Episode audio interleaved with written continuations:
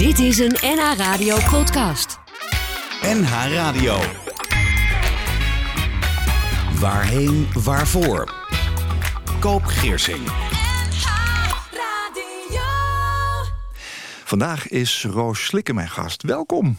Dank je. Ja, wij hadden op 5 januari ons eerste afspraakje voor dit programma. En jij was hier al terwijl ik aan de A2 probeerde lucht in mijn achterband te pompen. En fijn dat je er vandaag dan weer bent. Tuurlijk. Moest ook maar net even kunnen, hè? Ja, ja. Je schreef in 2014, we gaan even terug in de tijd. Heus, ik ben echt niet zo'n sneuneus die elk jaar op 1 januari haar leven betert. Wel nee, goede voornemens zijn voor naïvelingen, roep ik dan. Wat ga jij dit jaar anders Ja, doen? maar ik, ik, ben, ik, ik, ben el, ik ben een vat vol voede, goede voornemens. Voede voornemens, hoor dat nou? Uh, ik begin namelijk elke dag opnieuw. Maar ja, dit jaar, ja, ik doe mee aan Dry January, dus ik drink niet. Nou ja, dat. Ja. Wel koffie, toch? Veel koffie. Ja. ja. En dat valt allemaal reuze mee, hoor. Daar moeten Ja. we ook niet te, moeilijk, eh, niet te ingewikkeld over doen. Nee, dat doe je ook vast niet, hè? Mijn gast in deze aflevering van Waarheen Waarvoor is columnist en schrijver Roos Slikker. Ze studeerde Nederlandse taal, letterkunde, begon ooit als journalist bij een financieel tijdschrift. Maar na twee jaar kon ze geen stropdas meer zien. Roos publiceerde reportages, interviews in onder andere Vrij Nederland, HP De Tijd, Volkskrant Magazine, Het Parool. Voor Linda TV schreef ze het script van de comedyserie Bitterzoet. En Roos was in 2017 notabene deelnemer aan Wie is de Mol? Van stafeldame bij De Wereld Draait Door... regelmatig te zien bij RTL, Late Night en Pauw. Ze schuift vaak aan bij Radio 1 en vandaag dus bij NH Radio. Ik praat met Roos over haar passie, over groei en over leven en dood. Roos, je schreef ooit in Libelle... Ja, ik weet niet of je allemaal bijhoudt wat je geschreven Nee, hebt. geen je idee. hebt zo'n hoge maar. productie. Misschien kan er een talkshow komen waarbij de openingsvraag altijd... en aan iedereen die allerwezenlijkste is... ben je gelukkig? Zo Ja. wennen we eraan en komen meteen to the point. Ben jij gelukkig? Ja. Ja, over het algemeen. Ja, niet de hele dag, hè? ik ben niet de hele. Ik geloof dat geluk ehm, eh, heel vaak Ja, wat is geluk, hè? Geluk, echt van dat. Van dat je, het, de momenten waarop je denkt dat je gelukkig bent, dat zijn van die euforische piekmomenten. En die, die blijven altijd maar een paar seconden. Eh, maar over het algemeen ben ik een gelukkig mens, ja. Dat wel. Ik ben een tamelijk tevreden mens. En, en ik ben ook niet zo heel erg moeilijk gelukkig te maken. I'm quite easy to please. Ja. Ja. ja. Ja, met een lekker toetje eh, lukt het vaak wel. Geef, kind, geef mij een pak vanillevla. Ja, ja. Je schreef gisteravond eh, laat nog een, eh, een, een klein kolompje als, als een tweet... waarbij je, jouw man je beloofde om iets allerlekkers te halen. En jij noemt datgene wat je lekker vindt, dat is iets van ijs. Ja, macadamia nut brittle van Hagen Daas. Dat is echt het lekkerste ijs van ter wereld. Zei ik, nou, als je dat wil halen, vind ik echt zo ontzettend lief. En toen kwam hij thuis met een pak vanillevla. Ja. Was toch een beetje een anticlimax. Ja, maar het is ook wel weer een geluksmoment, denk ik. Ja, het is toch heel lief dat een man uiteindelijk de deur uitgaat... om een pak vla voor je te halen. Ja. Je hebt ook wel eh, wat meegemaakt in je leven. Je schrijft in een column... als je opgroeit met een bipolaire moeder... kijk je niet vreemd op wanneer iemand zegt dat ze heel ongelukkig is. Of huilerig of hypergevoelig. Ja. Eh, Even, wat is een bipolaire aandoening? Ja, en ehm, dat is wat ze vroeger manisch-depressief noemden. Dat is op een gegeven ogenblik werd dat een bipolaire stoornis genoemd. En het, ehm, het, het, het, het- er zijn verschillende varianten. Maar het houdt vaak in dat ehm, hele euforische periodes worden afgewisseld met zware depressies. En mijn moeder had inderdaad de variant. Kijk, je hebt ook mensen die bijvoorbeeld zo euforisch worden dat ze denken dat ze kunnen vliegen. Of dat ze heel veel geld gaan uitgeven, heel excessief. Dat had mijn moeder niet zo. Als mijn moeder euforisch was, was ze gewoon druk. Maar eh, wel heel druk en iets wat vrolijk. eh, echt gezellig aanwezig. Eh, maar als ze dan zo druk werd, wist ik al, dat gaat mis. En dan dook ze de depressie in. En zeker de laatste tien jaar van de leven waren dat er heel veel. Op het laatst echt wel tien per jaar, tien depressies per jaar. Ja, dus manisch-depressief een goed, goede omschrijving? Wat dat ja betreft? ik weet eigenlijk niet waarom ze dat bipolaire stoornis zijn gaan noemen. Maar dat heet nu zo. Ik weet het niet. Nee. Je schreef erover in het boek eh, Moeder van Glas. En dat verscheen in 2018. Jouw moeder Emmeke was de leukste van de straat. Ja. Eh, maar de storm in haar hoofd bleef voor de buitenwereld onzichtbaar. Je wist als kind al dat je je moeder soms moest beschermen. Hoe ging jij als kind om met die, die, die manische depressiviteit van je moeder? Nou, we wisten. was dat? eh, ze had, zij kreeg pas een diagnose toen ze eh 60 was. En hoe oud was jij toen? ja, ik had mijn eerste kind toen, ik, dat, een jaar of tien geleden. Hmm. Dus ehm, daarvoor wisten wij wel dat ze anders was, mijn vader en ik. Ik heb geen broers en zussen. Ehm, maar niet wat het nou precies was. Overigens was mijn oma ook bipolair. Dus, en het is een tamelijk erfelijke ziekte. Was dat bekend al? Ja, ja, mijn oma heeft ook echt nog elektroshocks gehad in de jaren 50. En een soort van one flew over de koekoesnest verhaal. Ehm, maar mijn moeder zei altijd één ding. Ik lijk niet op mijn moeder. Ja? Dus, mijn, ja, dus zeker de angst om op haar eigen moeder te lijken... heeft ook denk ik heel veel verhuld. Dus mijn moeder deed ontzettend hard haar best... om die ziekte ja, niet Buiten boven te sluiten Ja, echt buiten te sluiten. Echt de Ja. gekte buiten de Ja, deur te duwen. Maar zal Alleen- het niet overkomen. Nee. En, eh, maar, nou, maar, en dat lukte ook echt in periodes wel. Het was ook niet zo dat mijn moeder alleen maar depressief in bed lag of zo. Maar naarmate ze ouder werd, werd het steeds lastiger. En kreeg ze ook, eh, als ze depressief was, zat er, kreeg ze ook psychotische trekjes bijvoorbeeld. Dus ze Wat, zag wat gebeurde er dan? Hoe, hoe, hoe moet ik me dat voorstellen? Eh, nou, ze zag bijvoorbeeld overal muizen lopen die er niet waren. Ehm, of ze hoorde geluiden en ze dacht, of ze dacht dat mensen in de tram ehm, haar kwaad aankeken en haar kwaad wilden doen. En mijn moeder was een heel klein, verziel, broos vrouwtje. Dus die, ik zag haar soms op straat lopen en dan zag ze mij niet. En dan zag ik zo'n soort klein, schriel, wit, verschrikt vogeltje. En, eh, en, en zo, zo ging ze schichtig door de straat. Ja, dat, dat, dat, is, was hartverscheurend. En toen ik kind was, wist ik wel... Ehm, ja, ik leerde ehm, heel erg goed om in te tunen bij mijn moeder. Dus hoe hangt de vlag erbij? Als mijn moeder vrolijk was, dan had ze ook heel veel humor. Mijn moeder was een hele geestige vrouw. Heel talig ook, leuk. Maar als ze depressief was, dan kon hetzelfde grapje helemaal verkeerd eh, aankomen.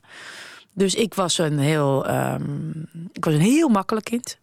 Heel Op je kivive ook steeds. Enorm, ja. Ja. En heel eh, met mij, ik heb eh, vrij jong besloten, met mij gaat alles goed. Met mij is er niks aan de hand. Ik Dat, was je hebt het hetzelfde gehad als je moeder dus. eh, Van haar moeder. Ja, alleen ik ben niet bipolair, dus ik kon het beter.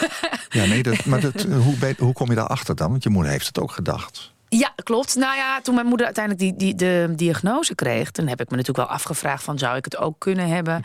En met name, ik was niet zo bang voor mezelf... maar wel voor mijn kinderen. En, eh, maar ik, ja, ik was toen inmiddels ook al zo oud... en er had zich nooit enige mate van depressie voorgedaan in mijn leven.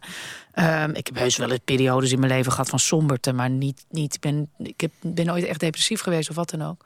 Dat de psychiater zei van... nou, de kans dat het zich nu nog bij jou openbaart is vrij minimaal. Oh ja. En dat betekent dus ook eh, in wezen dat jouw kinderen ook het eh, niet hebben. Ehm, ehm, ehm, want dat, het slaat niet zo heel snel een generatie Oh, over. dan wordt eh, de, de, de ketting misschien wel verbroken of ja, zo. nou ja, en het, kijk, weet je, het feit dat, dat er een erfelijke ziekte in je familie zit, wil natuurlijk niet zeggen dat jij hem hebt. En, en ik ken in, in die kant, aan, de, aan die kant van de familie. Mijn moeder komt uit een gezin van negen. Ehm, daar zit veel depressiviteit, eh, maar ook lang niet bij iedereen. Er zit ook hele zonne, ik heb ook hele zonnige ooms en tantes. Dus het is natuurlijk ook onzin om te zeggen van... nou ja, dan zal ik ook wel. Ehm, en, ik, en ik ken depressie heel goed door er naar te kijken. Ik ken het niet door hem te beleven. En dat is echt wel anders. Somberte is ook wat anders dan een depressie. Ja, kijk, ik, ik heb heus wel trekjes van mijn moeder. Ik heb een bepaalde mate van overgevoeligheid, denk ik ook wel. Ehm, mijn moeder kon heel melancholiek zijn, dat kan ik ook wel zijn. Ehm, ehm, en dat intense genieten kan ik ook heel goed.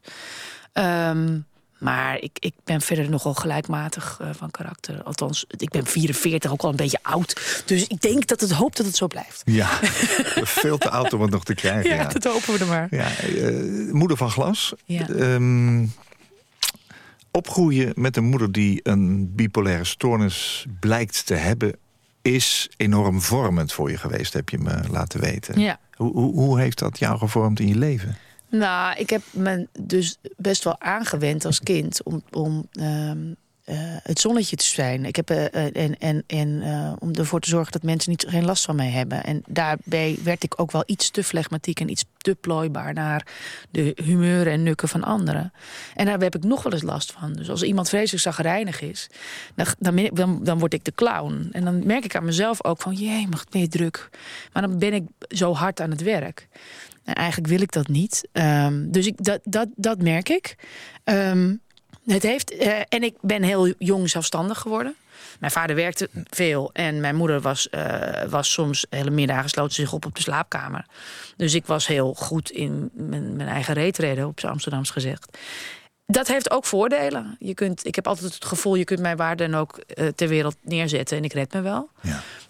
Maar dat heeft ook een ingebouwd gevoel van eenzaamheid, brengt dat met zich mee. En ik heb soms best moeite om, als het niet zo goed met mij gaat, om hulp te vragen. Dat vind ik heel lastig. Zelfs ja. bij mijn eigen echtgenoot. Je wil het zelf blijven doen. Ja. En dat, dat, dat, er zitten, weet je, dat, dat is de groef waar ik snel inschiet. Dat Ja. weet ik van mezelf. En Heb je jezelf dus heel goed leren kennen ook. ja, en dat heeft het overlijden van mijn moeder me ook wel eh, gegeven. Dat is twee jaar geleden inmiddels. Ja. Ja. Toen je moeder 60 was, kreeg ze dan na een eindeloos traject... Ja. hè, dat zit ook wel in dat boek, Ja. een officiële diagnose. Wanneer ze overlijdt door een val van de trap... wil je eigenlijk beter begrijpen wie de vrouw was... die zich zo lang achter een masker had verborgen. En dan lees ik eh, iets over eh, Bram Bakker, psychiater. eh, en die schrijft... Het beschrijft nauwkeurig wat een gruwelijke aandoening... die bipolaire stoornis is... omdat het de liefde tussen een moeder en haar dochter tastbaar maakt... en een rouwproces zelden zo treffend is omschreven. Dus een Ja, mooi compliment voor Ja. je. Roos laat ons voelen hoe moeilijk het leven voor iemand... met een bipolaire stoornis moet zijn. Zeker als die pas laat wordt ontdekt en steeds erger wordt. Het moet ook heel erg moeilijk voor jou zijn geweest. Ja, ja zeker. En, en eh, mijn moeder ging, dat was het, het, het verdrietige ook. Mijn moeder ging eigenlijk eh, echt de verkeerde kant op naar de geboorte van mijn oudste zoon. En dat had nik- in principe niks met elkaar te Nee. maken. Maar ehm, eh, in die periode ging het gewoon niet goed met haar. Dus Nee. ik, ik liep toen rond met een baby. En twee jaar later kreeg ik nog een baby. Ja. En mijn moeder was toen echt behoorlijk van het padje. En ik belandde toen veel bij allerlei GGZ-instellingen, bij de crisisdienst. Ik ben overal geweest en niemand wilde maar een diagnose stellen. Hmm. En dat is heel taai geweest. Dat was echt heel lastig. En toen ze uiteindelijk wel de diagnose kreeg, ehm, viel er heel veel op zijn plek. En in die zin was dat wel een bevrijding. Omdat ik daarna ook. Ik ben best, je mag je best weten, ik ben best ook vaak boos op mijn moeder geweest. Ja. Omdat ik vond van ja, doe nou eens een keer normaal. Ja. Wees wel een keer voor mij. Dat is zo begrijpelijk, toch? Ja, en, Ja. en ik vind het ook altijd heel belangrijk om dat te zeggen. Want dat mensen soms een beetje heilig gaan doen over, over mensen die bijvoorbeeld eh, eh, last hebben van een psychiatrische aandoen, aandoening. En dat snap ik. Maar het is, als je niet weet wat het is, die mensen kunnen ook onuitstaanbaar egoïstisch zijn. Ja. En dat, dat, dat was mijn moeder af en toe ook. Eh, maar toen ik wist wat ze had, toen dacht ik van ja, je kunt natuurlijk aan, een, aan iemand die niet kan lopen ook niet vragen om de marathon van New York te Nee, rennen. ga even een stukje Dus remmen. en mijn moeder die had veel sociale beperkingen. eh, die kon ik ook niet vragen om vrolijk bij een kinderverjaardag, eh, een hele kinderverjaardag uit te zitten. Nee. Of om op te passen. eh, of eh, dat, dat soort dingen. En die, die, de diagnose heeft mij daarin heeft mij echt bevrijd van mijn woede. Ik Ja. was daarna, ik ben eigenlijk nooit meer boos geweest op haar. Je hebt twee zonen. Ja. Roman Ja. en Miro. Ja, Nou spreek je het goed je uit. doet het heel goed. Ja. Ehm, hoe heeft het schrijven van Moeder van Glas jou zelf geholpen? Het schrijven zelf, zeg maar. Nou ja, ik heb het eh, achteraf, ik heb het echt ehm, geschreven midden in mijn periode van rouw. Het boek kwam uit een jaar nadat mijn moeder overleed. Dus dat sloeg nergens op. En het, eh, Nou ja, dat weet ik niet. Je, Nou je ja, bent natuurlijk een schrijver. Dus, dat is zo, dus- maar ik, ik, ik, heb, ik heb ontzettend hard gewerkt aan het boek dat jaar. Ehm, het, het, het kwam ook, ik zou dat boek eigenlijk samen met mijn moeder schrijven, ook maken. Ik wilde, het, we hadden de contract al getekend en ik wilde met mijn moeder een reis maken langs allerlei plekken in haar leven. Jouw moeder wist dat ook. Ja, waarin ze had gedaan alsof. Dus ik, ben, ik wilde gewoon eh, laten zien hoe dat was. Iemand die met zoveel maskers heeft geleefd als mijn moeder. En dat wilde zij zelf ook heel graag. Ehm, en toen ging ze dood. Toen dacht ik, nou, dat boek komt er niet. Dat gaan we niet doen. Dat kan niet. Alleen in het rouwproces, ja, ik, wat je zegt, ik ben een schrijver. Ja. Ging ik natuurlijk voor mezelf wel schrijven. Want als ik de dingen niet opschrijf, dan, dan kan mijn hoofd ze ook niet zo goed bevatten. Ehm, helemaal niet met de bedoeling om er een boek van te maken. En pas na een aantal maanden, of na een half jaar denk ik, ehm, realiseerde ik me opeens dat ik hetzelfde deed als mijn moeder in mijn, in mijn rouwproces. Dat ik ook heel hard mijn best deed om te laten zien dat het goed met mij ging. Het ging ontzettend slecht met mij. Ja. En toen dacht ik, jeetje, ik doe hetzelfde als mijn moeder. Dat, dat masker, ik heb, ik heb haar masker opgezet. En ik realiseerde me op dat moment, ik moet het boek wel maken. Ehm, en alleen al dat besef heeft mij heel erg geholpen. En ook wel dat ik toen, ik ben op zoek gegaan naar mijn roots. Ik ben op zoek gegaan ook naar mijn bipolaire oma. En toen zag ik, we doen allemaal hetzelfde. Wij zijn echt hele goede toneelspelers. We zijn heel slecht in, in hulpvragen. En we zijn tegelijkertijd voelen we ons soms ook zielig en niet gezien. Het is complex allemaal. Ja. Ehm, Leer je daarvan? Ja, en het heeft me ook getroost. Want het voelde, dat voelde minder eenzaam. Oh ja. En ze zeggen wel eens, hè, je, bij, ehm, in generaties, je staat op de schouders van je voorouders. En je komt zo steeds een, een, een trapje hoger eigenlijk. En, en kunt steeds verder kijken. Dus ik ben, weer, ik ben weer op de schouders van mijn moeder gaan staan. En kan al iets verder kijken. En mijn kinderen gaan op mijn schouders staan. En ik vind dat een mooi, mooie metafoor en een mooi beeld. Ze is nog steeds in je leven, hè? Want je Ja. ziet er af en toe nog eens voorbij fietsen of Ja, ze fietst, ze Ja. fietst regelmatig. Je hoort haar klank. Ik hoor haar stem. Ik, eh, ik droom van haar en dan is ze er. En dat vind ik allemaal zoveel minder eng en luguber dan ik had Nou, gedacht. dat is toch fijn ook. Het is echt prima. Ja, geloof Ja. ik wel. Op de rouwkaart van je moeder heb je een tekstje van Dolly Parton staan. Ja. Wat staat erop en waarom? Nou, mijn moeder, mijn moeder hield heel erg van Dolly Parton. Mijn moeder hield heel erg van zwaarmoedige muziek. En grappig genoeg als tegenhanger dan eigenlijk van dat mierzoete, eh zuurstokroze Dolly Parton liedje. Ehm, en, ehm, en, en, en, en het, is eh Love, Love's Like a Butterfly. En het, dit liedje hebben we ook gespeeld op haar begrafenis. Ehm, omdat het ten eerste heel vrolijk is. En ik vind altijd. In het theater zeggen we altijd: je moet rode rozen niet rood verven. Dus hele zielige muziek op begrafenissen vind ik altijd een beetje moeilijk.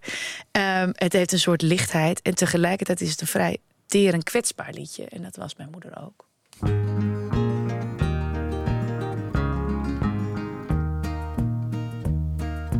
Love is like a butterfly, as soft and gentle as a sigh. The multicolored moods of love like its satin wings. Love makes your heart feel strange inside. It flutters like soft wings in flight. Love is like a butterfly, a rare and gentle thing. I feel it when you're with me. It happens when you kiss me. That rare and gentle feeling that I feel inside. Your touch is soft and gentle. Your kiss is warm and tender. Whenever I am with you, I think of butterflies. Love is like a butterfly. The multicolored moods of love like its satin wings. Love makes your heart feel strange inside. It flutters like soft wings in flight. Love is like a butterfly, a rare and gentle brings me sunshine. Every day is springtime. And I am only happy when you are by my side. How precious is this love we share? How very precious, sweet, and rare. Together we belong like daffodils and butterflies. Love is like a butterfly, as soft and gentle as a sigh. The multicolored moods of love like its satin wings. Love makes your heart feel strange inside. It flutters like soft wings in flight. Love is like a butterfly, a rare and gentle thing. Love is like a butterfly, a rare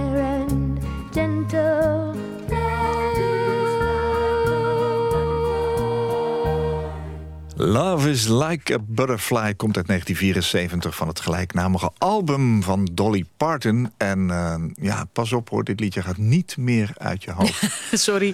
Love is like a butterfly, as soft, as soft as gentle as a sigh. The multicolored moods of love are like its satin wings. Het is ook een prachtige ehm, tekst. Ja. Niet alleen op de rouwkaart van je moeder, maar ook in het boek. Ja. Ja. Ja. Boek eh, over je moeder. Ja. Moeder van glas. Ja. Breekbaar. Teer. Ja, zeker. Nou, de, De titel. Ja, de, de, de titel komt voort uit een eh, column die ik altijd een beetje de coming-out column noem. Ja. Ik schreef al langer in het parool over mijn moeder. Alleen ik noemde haar altijd iemand die me zo dierbaar is. Ik schreef over onze eindeloze zoektocht in allerlei GGZ-instellingen. En vond het een belangrijk onderwerp. Mijn moeder vond het ook heel fijn en belangrijk dat ik erover schreef. Maar op een dag zei ze tegen mij van... je hoeft me niet meer te beschermen. Je mag best zeggen dat ik het ben. Ja. En toen, zei, toen, en toen, eh, toen heb ik dus diezelfde avond onze, mijn coming-out column geschreven. Het is mijn moeder. En toen schreef ik van ja, mijn moeder is heel teer en kwetsbaar. En soms lijkt ze van glas. Ja. Maar nu is ze voor mij een ridder. Een dappere ridder van glas. En eh, nou, die column die, die, eh, die, die zorgde voor vrij veel beroering. Die deed het eh, wel. Ja, Ja. die deed het wel. Dus toen we het boek gingen maken, toen zei mijn redacteur van ja, ja moeder is, het was een moeder van glas. Ja. Nou, het was meteen de titel. Ja, Als je klopt. weet dat het klopt, dan klopt het. Helemaal goed. Roos Slikker vandaag de gast hier in Waarheen Waarvoor. Ehm, boek Moeder van Glas. Er zit ook een soort vechtlust wel in jou... Hè, om dingen goed en rechtvaardig te krijgen. Ja. Ehm, door de ziekte was jouw moeder, vertelde je net soms... ronduit onuitstaanbaar voor mensen in haar omgeving. Dus Ja. ook voor jou. Ja. Ehm, maar na het lezen nog een hekel hebben aan deze bipolaire Emma... dat gaat niemand lukken. Nee. Ehm, dat komt door wie ze was. Maar zeker ook door de indrukwekkende omschrijving die jij hebt, eh, hebt gegeven. Wat, wat deed haar overlijden met jou?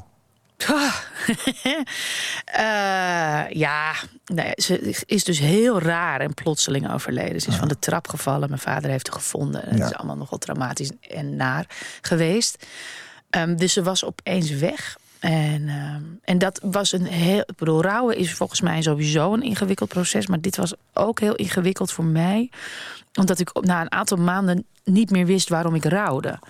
Ik had een soort kluwen van verdriet in mijn hoofd. Ehm, ik rouwde natuurlijk om het feit dat ik mijn moeder niet meer kon bellen en appen. Maar ik rouwde ook om, om mijn jeugd natuurlijk die voorbij was, eh, voor mijn gevoel. Wat is rouwen voor jou dan? Ja, Is dat pijn? Is dat pijn hebben steeds? Of is dat maar ik verdrietig vond het, zijn? eh, nee, het is, ook- ik vond het ook verwarrend. Ik ben ook heel kwaad geweest. Ik ben ook heel. eh, ehm, ik, ik vind rouwen eh, eh, eh, heel dierlijk, heel instinctmatig. Eh, al je emoties worden uitvergroot. Hm. En ik, maar het, in, in mijn verdriet, mijn reflex was om weg te willen van het verdriet. Nou, bij heel veel mensen natuurlijk. En ik deed dat zo hard door heel hard te werken, door, heel, eh, door, door, door eh, te sporten, door eh, nou, zo schouders Afleiding te eronder. zoeken. Ja, en vooral, dat is mijn reflex altijd een beetje van de schouders eronder en niet piepen. En tot ik echt geen, niet meer voor en achteruit kon. En me toen realiseerde, dit gaat niet goed.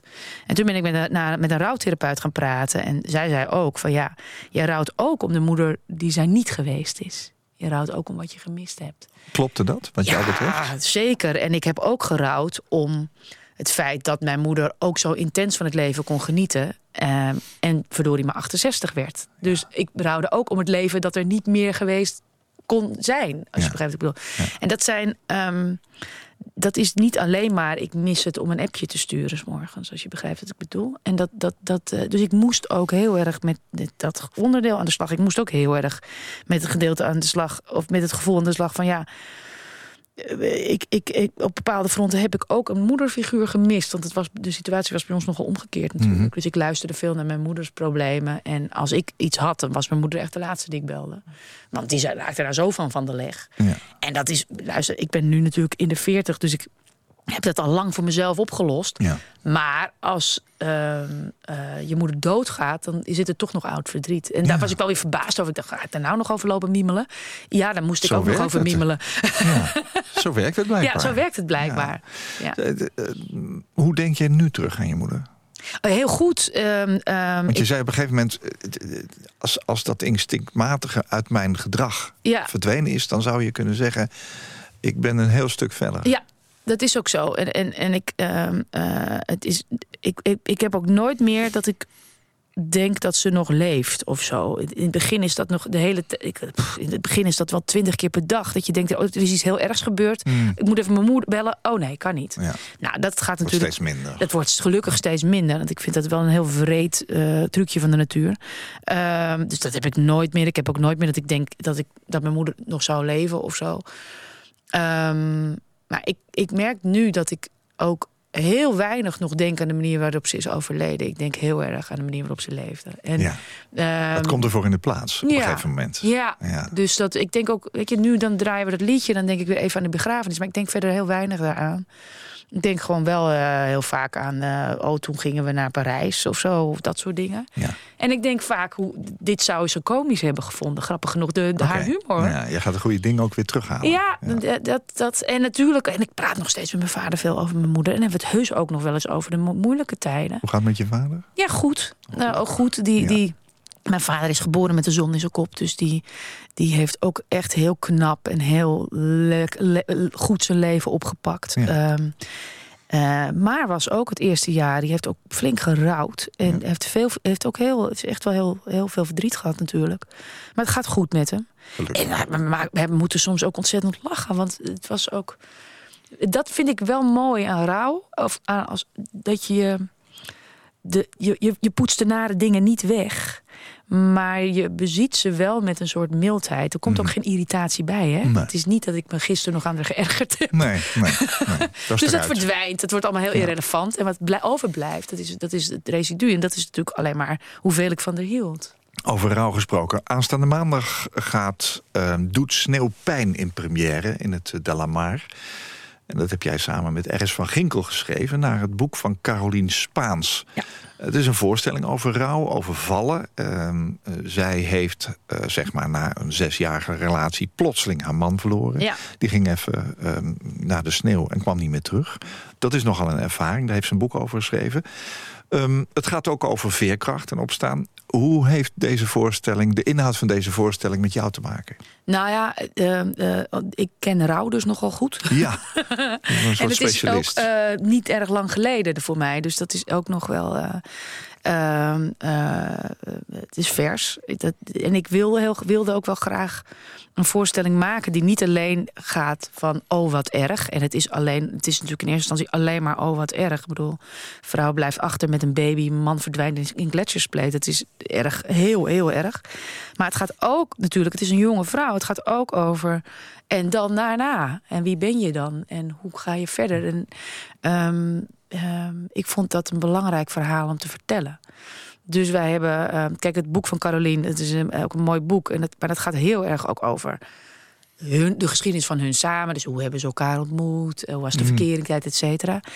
En wij wilden ehm, dat, dat verhaal weliswaar eh, ook eh, meenemen. Maar we wilden vooral ook een voorstelling maken die niet alleen gaat over dat specifieke verhaal. Maar die gaat over rouwen in het algemeen. Dus die gaat over groot verlies. En daarna. En dat, ehm, eh, nou, ik hoop dat dat gelukt is. Maar daarom vond ik het heel belangrijk om te maken. Ja. Herkende je in haar boek dingen waarvan jij zei... Van, oh ja, Ja, ik herkende eh, veel, en dat hebben we ook nog wel wat uitgebreid in de voorstelling. Ehm, ehm, in de omgang met andere mensen. Hoe raar het is om weer in de gewone wereld te stappen als je zelf zo gewond bent. En dat mensen aan de ene. Ik, ik schrijf ook ergens in het stuk, of laat ik de, eh, de hoofdpersonage zeggen. Aan de ene kant willen mensen al je emoties zien. Ze willen een soort d'orange van je maken. Ze persen je helemaal uit.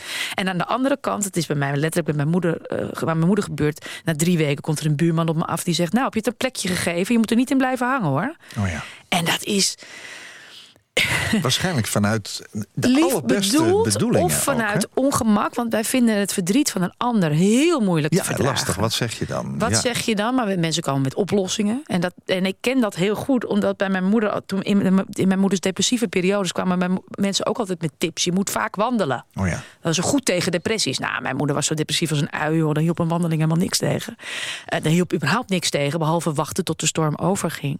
En dat geldt bij rouw natuurlijk ook. Ja. En eh, met, met name dat ongemak en dat gevoel alsof je toch dat je van, van mensen aan de ene kant door moet in een leven... en tegelijkertijd willen ze alles van je weten... en de hele tijd gaan ze vragen, hoe gaat het nou echt met je? Oh ja. Een hele impertinente vraag. Zeker als je rouwt, want je hebt geen idee. Maar je weet heel vaak überhaupt niet zo goed hoe het met je gaat. Bij mensen, dat fluctueert nogal met de dag. Ehm, dus dat... dat dat, dat je verhouden tot de buitenwereld, dat, dat zag ik in, in, in Caroliens boek. En dat, dat hebben we ook wel heel erg in het theaterstuk gestopt. Ja.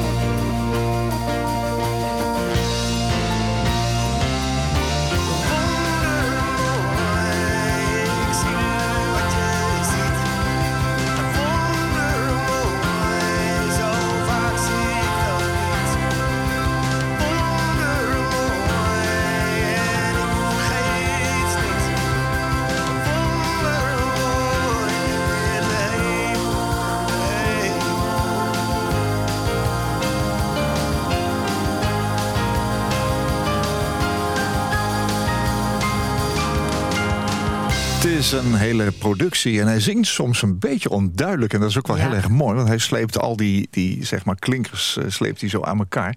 Zanger T. Lau, maar hij zingt echt wondermooi. Ik heb jou gevraagd trouwens om drie liedjes mee te nemen... die op jouw begrafenis of crematie eh, misschien wel gedraaid mogen worden. Ja. Dit hoort daarop. Jawel. Je ja. zei, het is ook iets meer van mij dan zojuist het misschien wel Dolly ja, Parton. Dolly Parton was echt van mijn moeder. Dat, Ja. dat zou ik zelf niet Maar deze van jou? Hebben. Maar deze wel. Ja, nee, Telau was een jeugdheld van mij. En eh, eh, toen hij zelf ernstig ziek bleek, toen schreef ik een, column in de krant. waarin ik eigenlijk schreef van, goh, hoe zou het met thee zijn? Want hij was toen een tijd, daar hoorde je eigenlijk niks over. Het was zo'n raar idee dat je jeugdheld, eh, jeugd, is. En Je wist ook niet is. dat hij ziek was. Ja, Dat dat, was wel. toen al bekend. En, eh, en zijn uitgever, eh, mail, die ken ik, en die mailde mij van... joh, nou, het gaat best goed met Thee, want binnenkort komt zijn laatste boek uit. Kom op de presentatie, want hij wil je wel ontmoeten.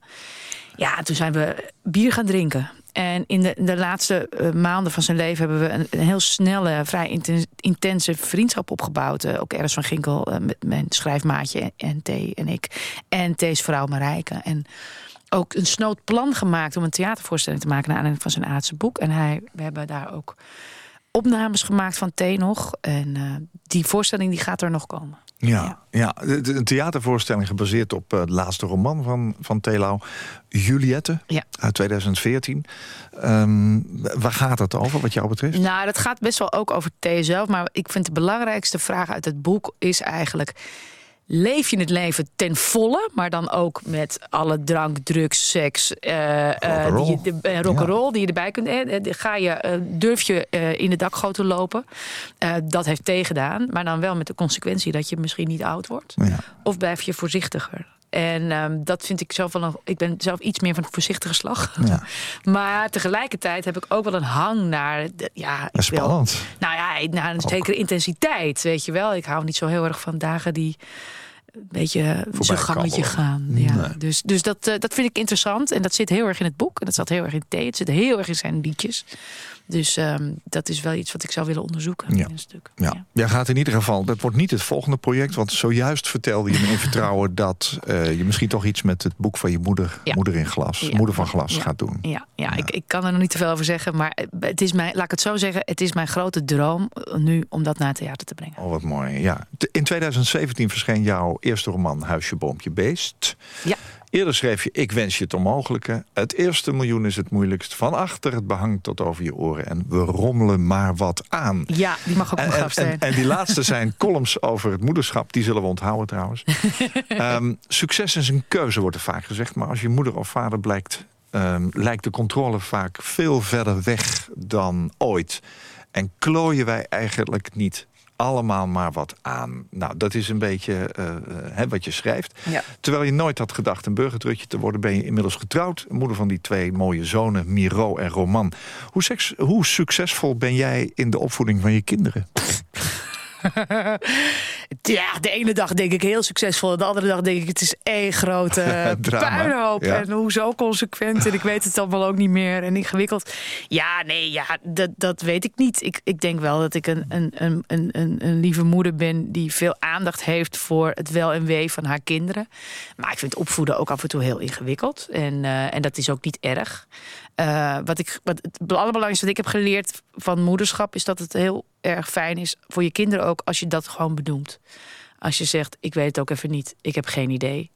Ehm, en, eh, of eh, als je ruimhartig sorry kunt zeggen. Dus ehm, ik, heb ook, ik schreeuw ook wel eens tegen mijn kinderen en dat wil ik niet. En dan zeg ik daarna meteen, sorry, ik had niet zo moeten schreeuwen. En dan is het ook wel oké. Ik geloof dat het goed is als kinderen ook zien dat ouders ehm, eh, feilbaar zijn. En dat ben ik zeker. Ja, ja. ik moest erg lachen eh, om een column die je onlangs geschreven hebt... of een tijdje geleden, waarbij je in een restaurant het echt helemaal eh, zat was... En eh, ging staan en je boog over je zoon en hem de les las. Ja. Eh, waarna een mevrouw ehm, eigenlijk je eventjes aansprak en zei van... eh, uw ritje staat open. Ja, maar echt, mijn, ja, Rits, dat zeg je heel netjes. Maar mijn jurk met een zo'n zijrits, zeg maar, die stond van bovenaan helemaal tot onder de bilnaad open. ja, daar ga je dan met je ouderlijk gezag. Ja, dat was een Vlaams sprekende dame die zei: Uw kleedje staat open. Ja, nou, het kleedje stond open en ik, Ja. eh, ik, het kwam niet meer goed. Nee, dan moet je ook enorm gelachen hebben daarna. Ja. Hoe, hoe zou je later door je kinderen herinnerd willen worden? Nou, wel, ik hoop als lieve en betrokken ouder ook iemand met wie ze konden lachen. Dat Ja. vind ik wel belangrijk. Mhm. ik, ik, ik, ehm, ik, eh, ik, ik, ik hoop dat ik ze opvoed met, een, met, met voldoende relativeringsvermogen. Ik vind dat altijd wel een prettige eigenschap aan mensen. Ehm, ja, en dat ik natuurlijk verschrikkelijk veel van ze hou. Dus ja, Ja. dat wil je, geloof ik. Nalaten. Ja. ja, dat is wel mooi. Toen ik je vroeg welke persoonlijke gebeurtenis eh, je eigenlijk je leven lang met je meedraagt, mee zult dragen, sprak je over het overlijden van je moeder duidelijk, maar ook van jullie eerste kindje Liv, Ja. halverwege de zwangerschap. Ja. Hoe, hoe ingrijpend is dat voor je geweest? Ja, heel. Dat is heel vormend ook geweest. Eh, onze dochter had een, eh, een triploïdie. Dat is een, een, een- een chromosoomafwijking. En die noemen ze, de artsen zeggen dan zo mooi daarbij... dat dat niet verenigbaar is met het leven. Eh, dat betekent eh, overigens niet dat zo'n kindje automatisch doodgaat. Wel- uiteindelijk wel, maar je kunt ook een hele zwangerschap voldragen. En zo'n kindje kan zelfs ook nog wel een jaartje worden of zo.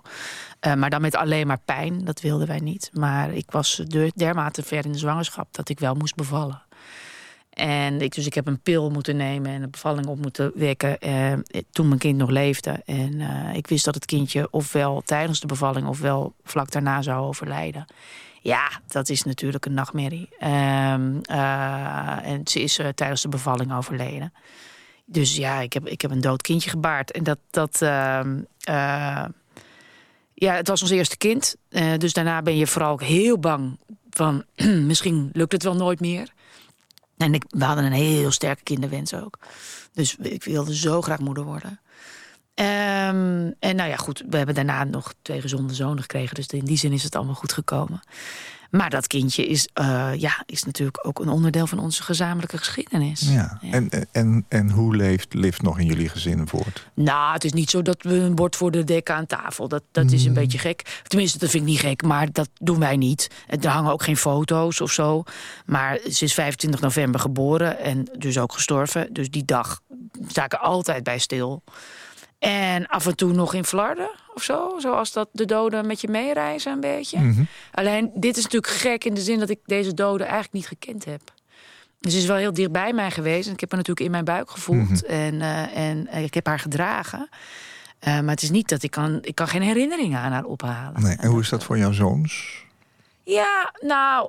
ehm, Die zijn daarna pas gekomen. die zijn daarna pas gekomen. Ja. Dus die hebben Vroeger ook geen werd dit niet verteld ook, hè? Nee, nou, we hebben wel een tijdje gewacht hoor, voor we dat vertelden. Maar het is weten ervan. En ehm, ehm, ja, af en, toe, af, ja, af en toe roept mijn jongste bijvoorbeeld... Ik wou nog dat Liv nog leefde, want dan had ik een oudere zus. Oh ja. Ja, je je kunt dat niet helemaal zo beredeneren natuurlijk. Want nou ja, als Liv had geleefd, et cetera, was hij er misschien, weet ik wel. Maar in ieder geval, ehm, eh, dus zo. Het is niet dat zij naar het graf gaan en dan tranen plengen of bloemen neerleggen. Maar Het is een graf. er is een grafje. Dus, dus Ja, het, eh, er is een plekje. Liv is ook begraven. Ja, we hebben Liv begraven. Ja, Ja. En, en ook daar zit weer een klein beetje eh, strijd achter, omdat je ervoor gestreden hebt Ja. om ook ehm, kinderen die doodgeboren zijn, bijvoorbeeld, of Ja. overleden zijn tijdens de zwangerschap, een plekje te geven in die basisregistratie, Ja. zodat ze bestaan. Ja, want dat was niet zo. Daar kwam ik dus pas jaren later kwam ik daarachter dat het BRP, zeg maar, hè, het bevolkingsregister zou ik maar zeggen, dat eh, kinderen die dus inderdaad buiten de baarmoeder niet hebben geademd, niet werden geacht te hebben bestaan. Nou, dat vond ik zo raar. Gek is dat, hè? Dus daar heb ik toen een stukje over geschreven en er was al een, een petitie en dat, ja, dat stukje ging viral, zoals dat dan heet. En voordat ik het wist, was die petitie eh, heel erg veel eh, getekend. En uiteindelijk heeft dat ertoe geleid dat de wet veranderd is. Eh, na, na heel veel lobbywerk en inspanningen van anderen overigens ook. Ehm, maar de wet is nu veranderd en mensen met een, met een doodgeboren kindje kunnen dat nu registreren. Ja. Dus Heb je dat toen ook meteen gedaan? ja, ja, ja. En, dat, eh, ja. en dat, dat is heel fijn. Het is ook mooi dat dat, dat uiteindelijk eh, gelukt is. En, en ik ben niet zo dat ik dan zeg van nou, de dood van Liv is daar goed voor geweest. Maar ik had het liever natuurlijk niet meegemaakt. Maar als je dan ellende meemaakt, is het wel fijn dat je er iets mee kan doen.